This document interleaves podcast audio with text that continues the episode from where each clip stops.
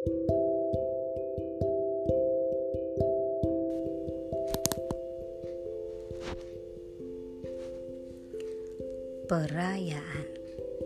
ceritanya selalu sama setiap malam. Apakah itu tahun baru atau tidak? Dia akan menghabiskan waktu dengan tidur di waktu yang sama, karena tubuhnya akan terjaga di pagi pada waktu yang sama setiap hari, dan jika waktu tidurnya mundur, energinya tak terisi dengan penuh. Itu katanya. Tak pernah ada tawaran menghabiskan tahun dari siapa pun.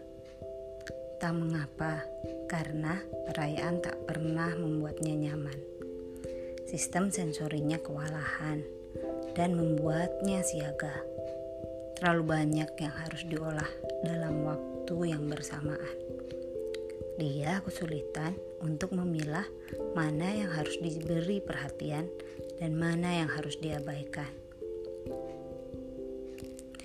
Dia senang melihat aneka perayaan tahun baru yang berseliweran di sosial media dari orang-orang yang dia ikuti. Semua menampilkan emosi yang sama, dan dia pun juga dengan cara yang dihabiskan.